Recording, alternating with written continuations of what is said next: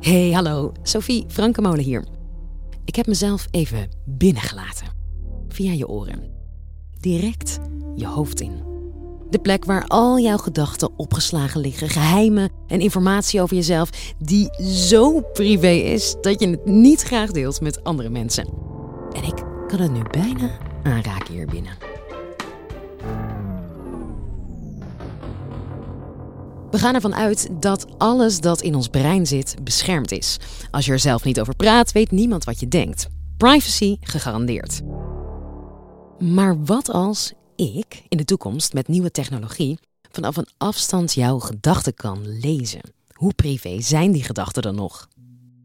Professor Dr. Pim Hazelager, hoogleraar artificiële intelligentie. Ook welkom hier in dit hoofd. Dankjewel. Is dit een reëel toekomstbeeld dat onze gedachten ooit te lezen zijn? De gedachte is, en dat zeg ik altijd tegen mijn studenten, dat we over 20 jaar, pak een beet, ja, dan typen we onze tekstjes niet meer op de smartphone. Dus de kinderen van mijn studenten, daar plaag ik ze altijd mee, die gaan ze uitlachen. Want dan zien ze papa en mama een beetje suffig met die duimpjes heen en weer ratelen op die schermpjes. Terwijl die kids, die denken het gewoon rechtstreeks de smartphone in met een soort moderne koptelefoon. Die zit dan een beetje op je voorhoofd, niet op je oren. En dan gaat dat gewoon via EEG rechtstreeks je telefoon in. Dus dan denk je je WhatsAppjes. Of je TikTokjes. Of je Tinder voorkeuren of zoiets dergelijks. Dat gaan we krijgen. Klinkt lekker makkelijk en snel. Maar als ons brein dan in de toekomst verbonden is met een computer... zijn onze gedachten, onze hersenen dan ook te hacken? Nou, we kunnen het niet uitsluiten. En er zijn ontwikkelingen aan de gang waardoor we moeten denken dat we er misschien toch voorzorgsmaatregelen over moeten nemen. Op welke manier zet nieuwe hersentechnologie, oftewel neurotech, de privacy van onze eigen gedachten onder druk? En hoe kunnen we die privacy gaan beschermen? Je hoort het in deze aflevering. Dit is de Universiteit van Nederland.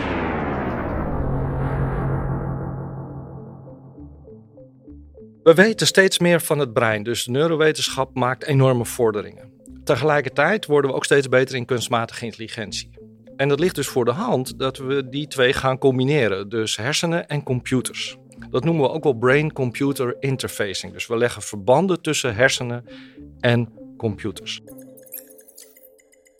En dat kan in verschillende richtingen. Dus de eerste is van brein naar computer. Dus als je hersenen actief zijn, als je dingen denkt of als je dingen je voorstelt of als je dingen waarneemt, dan produceren je hersenen activiteit. Die kun je meten. Met allerlei verschillende technieken zijn er tientallen langzamerhand.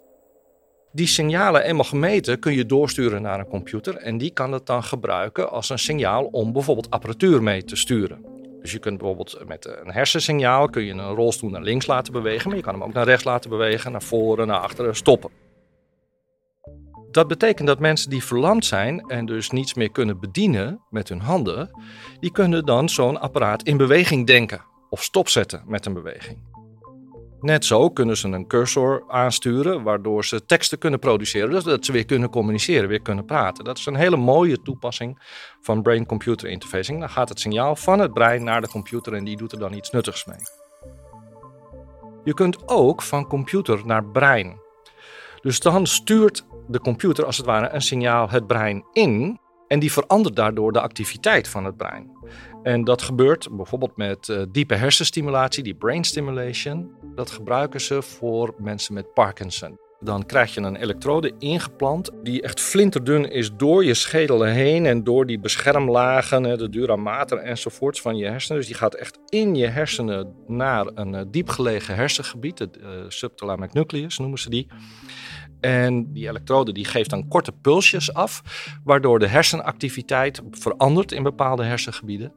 En mensen met Parkinson, die hebben tremoren, dus die kunnen hun handen niet meer stilhouden, waardoor bewegingen heel moeilijk worden. Banen zijn dan uh, ja, niet meer te doen. Uh, zelfverzorging wordt op een gegeven moment bedreigd. Uh, dat kunnen ze proberen met medicijnen, maar als dat allemaal niet meer werkt, dan kun je als uiterste mogelijkheid die brain stimulation doen. Daardoor verdwijnen die tremoren. Dat is een, een, hele mooie toepassing die steeds vaker eigenlijk al in de praktijk, ook in Nederland, uh, gebruikt wordt. Het wordt tegenwoordig ook wel gebruikt voor meer psychische aandoeningen, dus suïcidale depressie. obsessief-compulsief gedrag, dwangneuroses en dergelijke, waardoor de kwaliteit van leven echt enorm kan verbeteren. Dat zijn hele mooie toepassingen. Maar daar ontstaan natuurlijk ook vragen door, bijvoorbeeld uh, over de parametersetting. Dus hoeveel pulsjes en hoe zwaar moeten die pulsjes zijn? Hoeveel stromen eigenlijk? En bijeffecten die bijvoorbeeld gemeten zijn, is uh, toegenomen vrolijkheid. Vandaar ook dat ze het nu gebruiken bij depressie. Maar dan kun je vragen krijgen en zelfs ook discussies tussen artsen en patiënten over hoe hoog die parameter moet worden ingesteld. Ik ken een voorbeeld van een arts die op een gegeven moment tegen de patiënt gezegd had: Mevrouw, ik ben hier niet om u gelukkig te maken. Ik ben hier om u beter te maken. Want die mevrouw dacht dat er nog wel een slagje bij kon. Voelde zich steeds vrolijker worden. Ja. Dus daar mag je wel over nadenken, want dat raakt natuurlijk ook aan zaken als persoonlijkheid.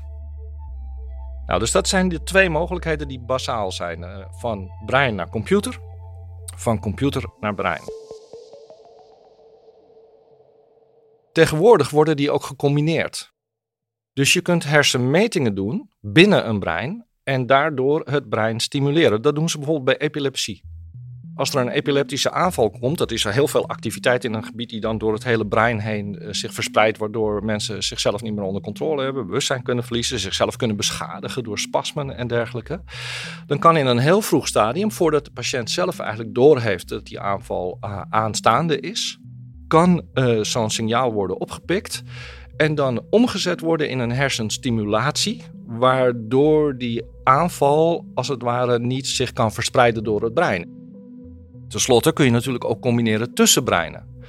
Er zijn nu uh, voorbeelden geweest van twee muizen, waarvan er een een lichtsignaaltje zag en de andere een hendeltje moest bedienen. En dan werd de informatie aan het ene muizenbrein doorgestuurd naar het andere muizenbrein. En die wist dan welk knopje die moest hebben zonder dat hij een lichtje zag. En dan kregen ze allebei voedsel. Eh, dus dat soort dingen gebeuren allemaal. En dat is nu ook tussen mensen uh, mogelijk. Een belangrijk onderscheid om even te maken. Soms ga je echt het brein in. Dat noem je invasieve technieken, zoals met die diepe hersenstimulatie, door de schedel heen. Soms meet je gewoon op de schedel. Dat is niet invasief. Dat is een stuk onschuldiger.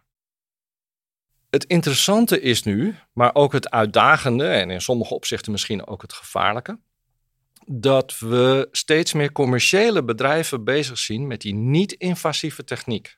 Dus je krijgt nu steeds meer wat wij noemen dry electrodes op de markt. Dat zijn een soort van koptelefoons. Maar die zet je niet op je oren, maar die zet je op je voorhoofd, of op je achterhoofd, of bovenop je hoofd. En die meten dan je hersenactiviteit. Dat is allemaal nog best heel ruisig, dus dat werkt allemaal zeker niet, niet goed. Dus daar gaat nog wel wat tijd overheen. Maar die ontwikkeling is in gang gezet.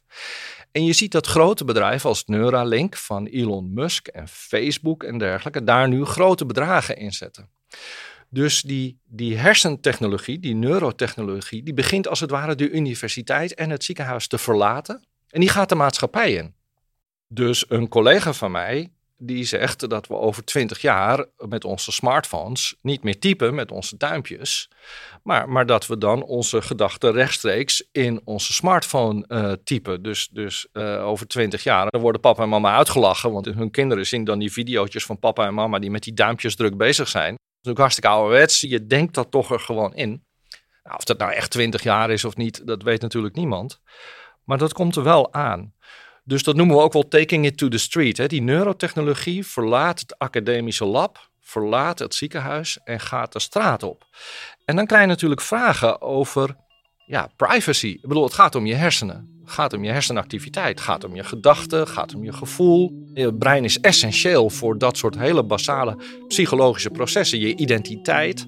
En in hoeverre zijn die signalen van het brein naar de computer, naar de smartphone, dan bijvoorbeeld hackbaar? Een draadloze verbinding, een Bluetooth-verbinding, is hartstikke te hacken. Dat, daar kun je gewoon als buitenstaander op ingrijpen. Dat kun je als het ware oppikken. En daar kun je dingen mee veranderen. En dat kan natuurlijk ook als je een signaal draadloos van de computer naar het brein stuurt. Dat zit er gewoon aan te komen. En in sommige gevallen bij gaming wordt dat bijvoorbeeld al gebruikt. Daar kun je creativiteit en problemen oplossend vermogen mee vergroten. Is de stelling, hè, de bewering. Er wordt nog onderzoek naar gedaan. Dus op het moment dat die signalen van het brein naar de computer of van de computer naar het brein gehackt worden, dan ben je eigenlijk de controle kwijt. van brein naar computer, dat kun je dus eigenlijk ook zien als een vorm van afluisteren. Een soort van wiretapping. Je hebt tegenwoordig nieuwe soorten microfoons, zoals EEG-metingen en dergelijke. En die kun je zo op de schedel plaatsen dat je als het ware de activiteiten daarbinnen kunt waarnemen en om kunt zetten in betekenisvolle informatie. We noemen dat soms ook wel het decoderen van hersensignalen. Hè? Dus net zoals je een vreemde taal moet decoderen of een geheimcode. Neuronen maken geen geluid. Maar als je de activiteit van een neuron verbindt aan een speaker, dan klinkt het ongeveer als volgt. Neuronen praten ook in een hele vreemde taal met elkaar. Die snappen we nog niet helemaal. Maar we beginnen langzaam maar zeker daar wel een beetje inzicht in te krijgen. Nou, dat, dat is een vorm van afluisteren die uh, steeds meer mogelijk wordt. dus George Orwell die, die schreef in 1984 ergens uh, van uh, je had no privacy, je had totaal geen privacy, behalve in de binnenruimte van je schedel. Nou ja, die tijd is dus voorbij aan het gaan. Ook daar ben je niet privé meer, want we kunnen dat steeds beter meten en we kunnen dat steeds beter beïnvloeden. Een kwestie die ja, de kern van ons bestaan raakt. Hè. Gedachten zijn vrij, maar ja, als je die kunt uh, opvangen en decoderen door partijen die daar misschien niks mee te maken hebben, dan kunnen mensen misschien gaan raden wat je denkt, weten wat je denkt geïnformeerd door je brein. Dus misschien moeten die signalen wat beter beveiligd worden. En dan is er misschien nog een laatste vraag, waar iedereen natuurlijk meteen als eerste aan denkt. Ik heb hem voor het laatst bewaard. En dat is natuurlijk gedachtecontrole of gedragscontrole. Kun je mensen op afstand gaan besturen? Als je die neurotechnologie uh, even heel uh, onaardig toepast. Nou, in principe is dat natuurlijk niet uit te sluiten.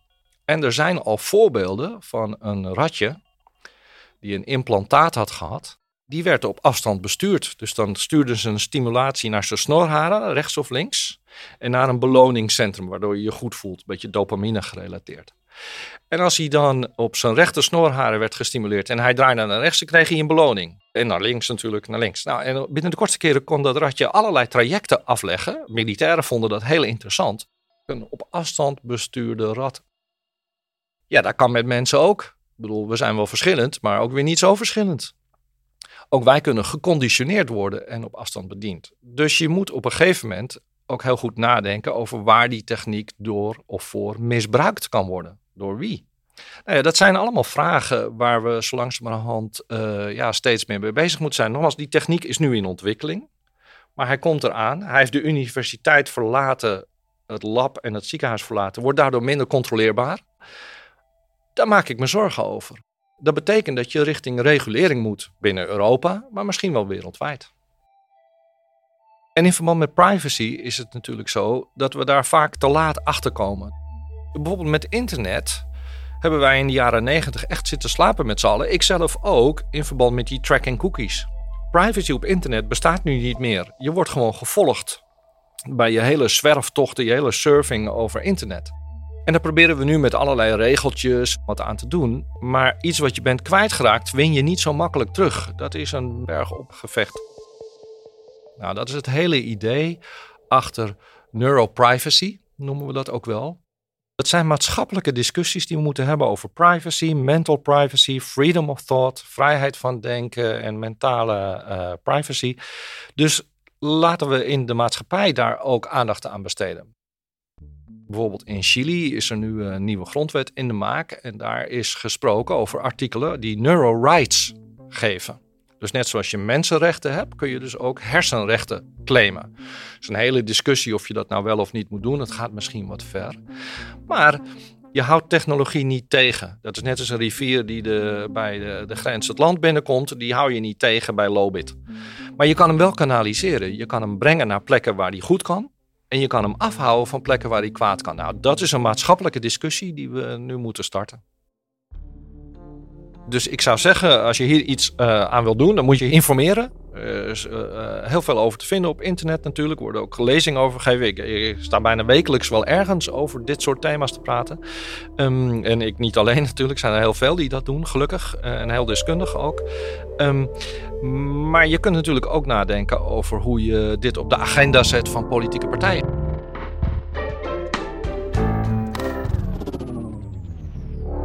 dankjewel Pim Hazelager voor dit bizarre kijkje in de toekomst.